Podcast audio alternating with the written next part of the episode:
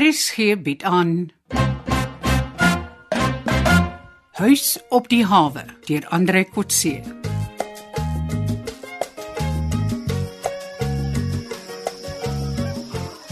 Hoe hou jy hiervan kon nie?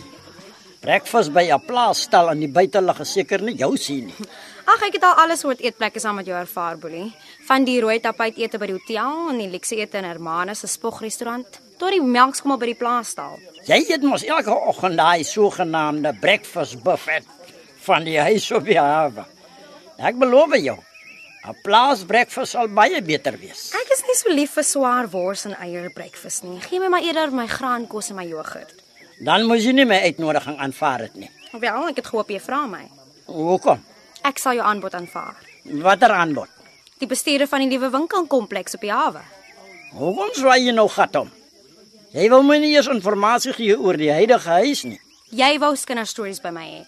Jy wou 'n spioen van my maak. As jy belangstel aan 'n bestuurspos, dan sal jy mos bereid wees om 'n paar stukkies inligting te verskaf. Nie van Tanya of ander gaste nie. Dis kinder. Of nog erger spionasie. Dit is nie spionasie nie. Ek wil nie 'n buitensporige prys vir die plek betaal nie. Ek wil weet wat is Tanya se werklike prys. Sy's emosioneel oor die plek. Sy sal nie die huis laat gaan nie, nie vir enige prys nie. Alles het 'n prys kon nie. En Tanya sal uiteindelik bes gee. Maar as ek 12 miljoen aanbied en sy soek 13, dan mis ek dalk net net die bus. En sy is te trots om daarna af te kom aan haar prys. Mens kan belaglik hoog ook begin onderhandel, Boelie. Jy sal nooit die rente op jou kapitaal kan terugwen uit 'n gastehuis met 10 miljoen rand se belegging nie. En sy weet dit. Maar ek praat nie van nog 'n gastehuis nie. Ook nie die kroeg of die restaurant of die nagklub nie. Dit hang af van die tipe kliënt wat jy in gedagte het. Ek praat nie van 'n vissermanskroeg nie. Dit moet 'n vyfster plek wees. En waar kom sulke ryk toeriste vandaan? Daar's dit vir my. Ek het oorsee se kliënte wat graag hier sal kom oorbly. Ek weet wat hulle soek. Waar kom hulle vandaan? Oorsee se toeriste. Ek weet, ek sien hulle elke dag op vlugte.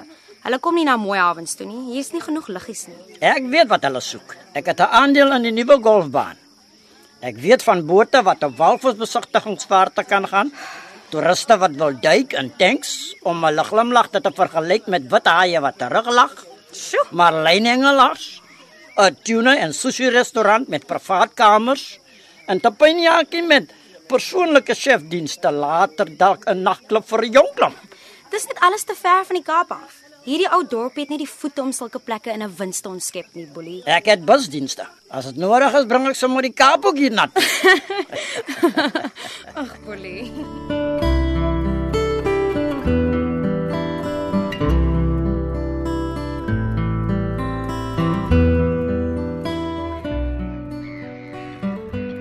En nou kon Waar kom 'n gesofistikeerde dame wat jy altyd deur 'n ring kan trek nou vandaan? Spot jy met my plakkies en jeans en die mekaar hare. Ag nee, maar ek hou daarvan as jy jou hare laat sak.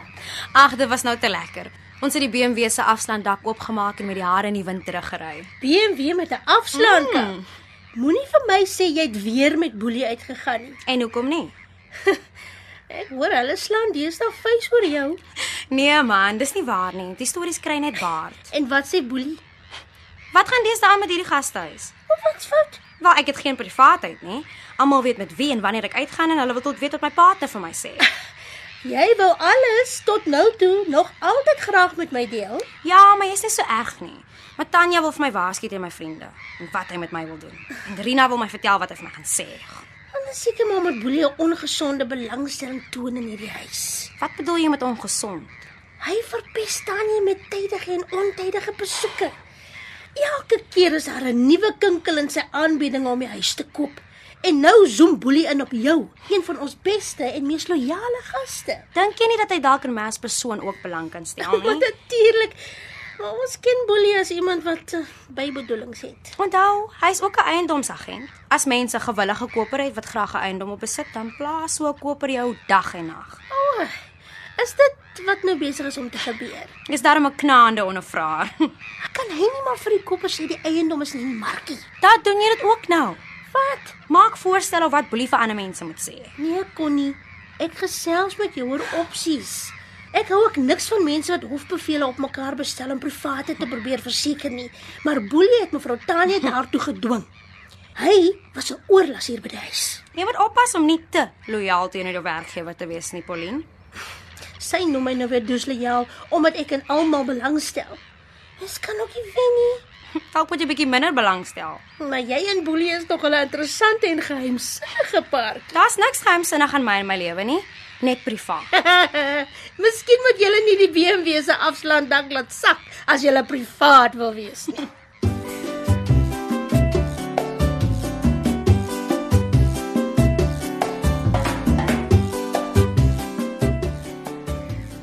Nigel, dink jy ek is disloyaal? Ja, teenoor my. Ja, jy nee, hy dink ook net aan homself. Exactly, dis wat disloyaal beteken. Maar Oh, hoe was ek disloyaal teenoor jou? Uh jou drome is disloyaal. Wat se drome? Jou droom van 'n Filippyn wat hy Hoënese toe sal kom haal en na sy private eiland toe vat waar hy jou soos 'n queen sal behandel. Ek meen, hier sit ek en wag vir jou om 'n stupid hamburger saam met jou te gaan eet by 'n takeaway plek. 'n Hamburger is ook nie die mees romantiek ding om oor te droom nie. Hoe gaan die Chinese in die VIP suite hier aan? Nee, hy sukkel maar met sy Engels. Mm. Sê net ni hao en shi shi.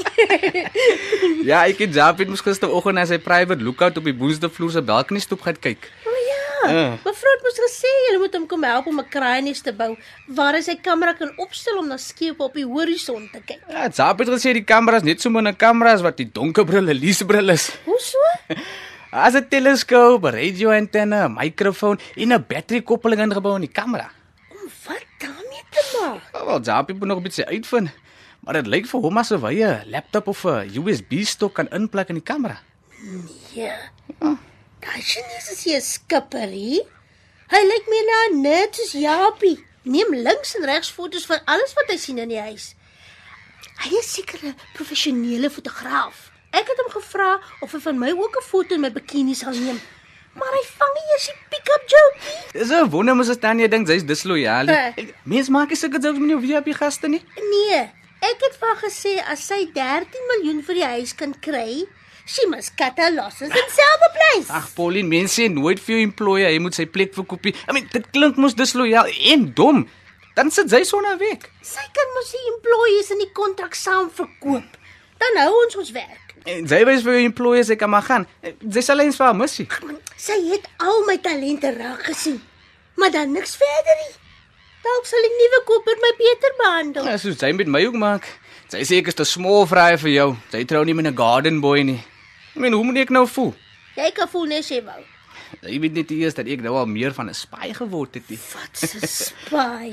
Sy weet nie waar krap ek oral in om secrets te gaan haal nie. Wat 'n sekret. Vir wie werk jy? Wel, Sy weet om te weet. nie. Ah, Onthou sy die need to know principle, hè? Gaan jy Hè? jok vir my?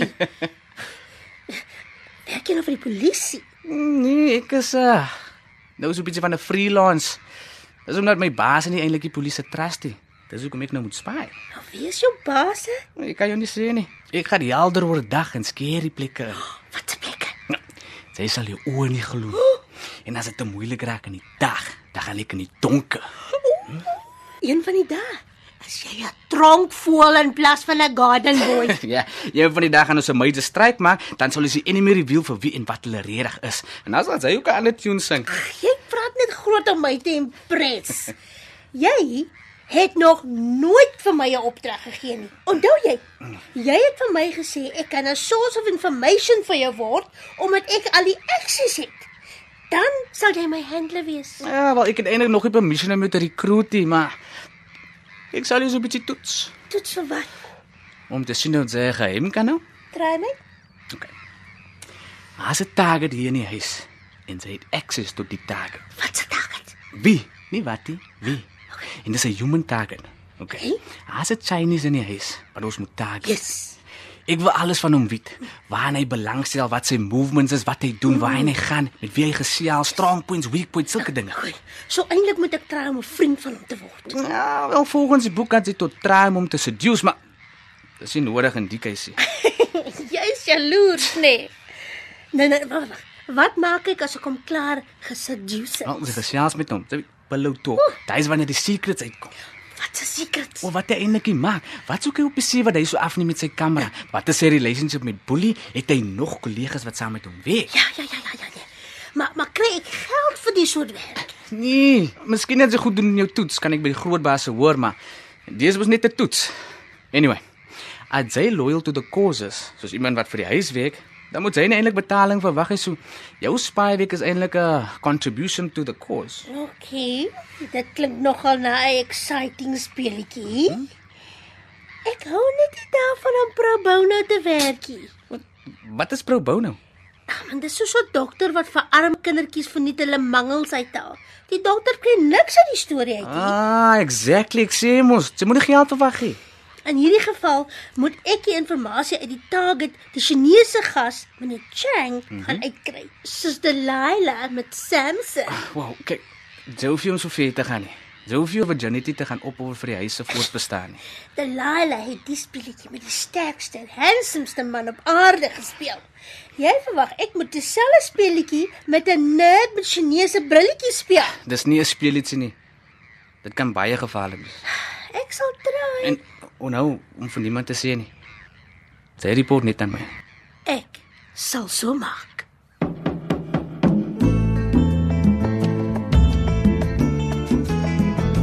Uitgeluister na Huis op die hawe deur Andre Kotse. Die spelleiding is behartig deur Ronel Geldenhuys en die tegniese en akoestiese versorging is gedoen deur Cassie Lauers.